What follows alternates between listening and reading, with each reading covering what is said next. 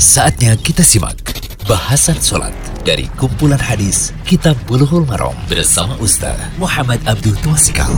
Bismillahirrahmanirrahim. Assalamualaikum warahmatullahi wabarakatuh. Alhamdulillah. Salatu wassalamu ala rasulillah wa ala alihi wa sahbihi wasallam. Kali ini kita berada di audio ke-143 dari pembahasan kitab Bulughul Maram karya Imam Ibnu Hajar Al-Asqalani, kitab salat bab sujud sahwi wa ghairuhu min sujud tilawati wa syukri. Bab sujud sahwi dan selainnya dari sujud tilawah dan syukur.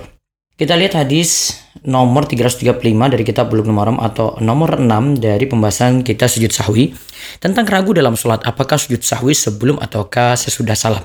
Wali Ahmada wa bi Abi Dawuda wa Nasa'i min hadisi Abdullah ibni Ja'farin marfu'an.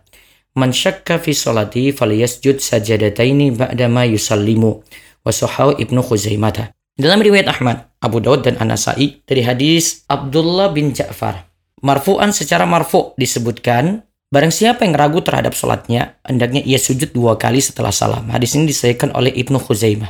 Namun hadis ini secara lengkap di riwayat Abu Dawud, An-Nasai, Ahmad, dan juga Ibnu Khuzaimah, Syekh Abdullah Fauzan itu mengatakan dalam Minha al-Alam, hadis ini taif. Faedah hadis, hadis ini jadi dalil bahwa sujud sahwi karena adanya syak, keraguan adalah ba'da salam.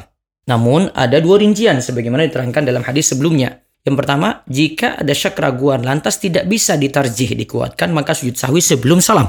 Namun yang kedua, jika ada syak atau keraguan lantas bisa ditarjih atau dikuatkan maka sujud sahwi setelah salam.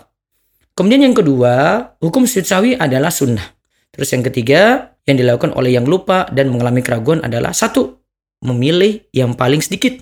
Dan yang kedua, melakukan sujud sahwi. Allahu alam bisawab, semoga jadi ilmu yang manfaat. Allah yubarik fiqh. Demikian bahasan sholat dari kumpulan hadis Kitab Bulughul Maram bersama Ustaz Muhammad Abdul Tuasikal.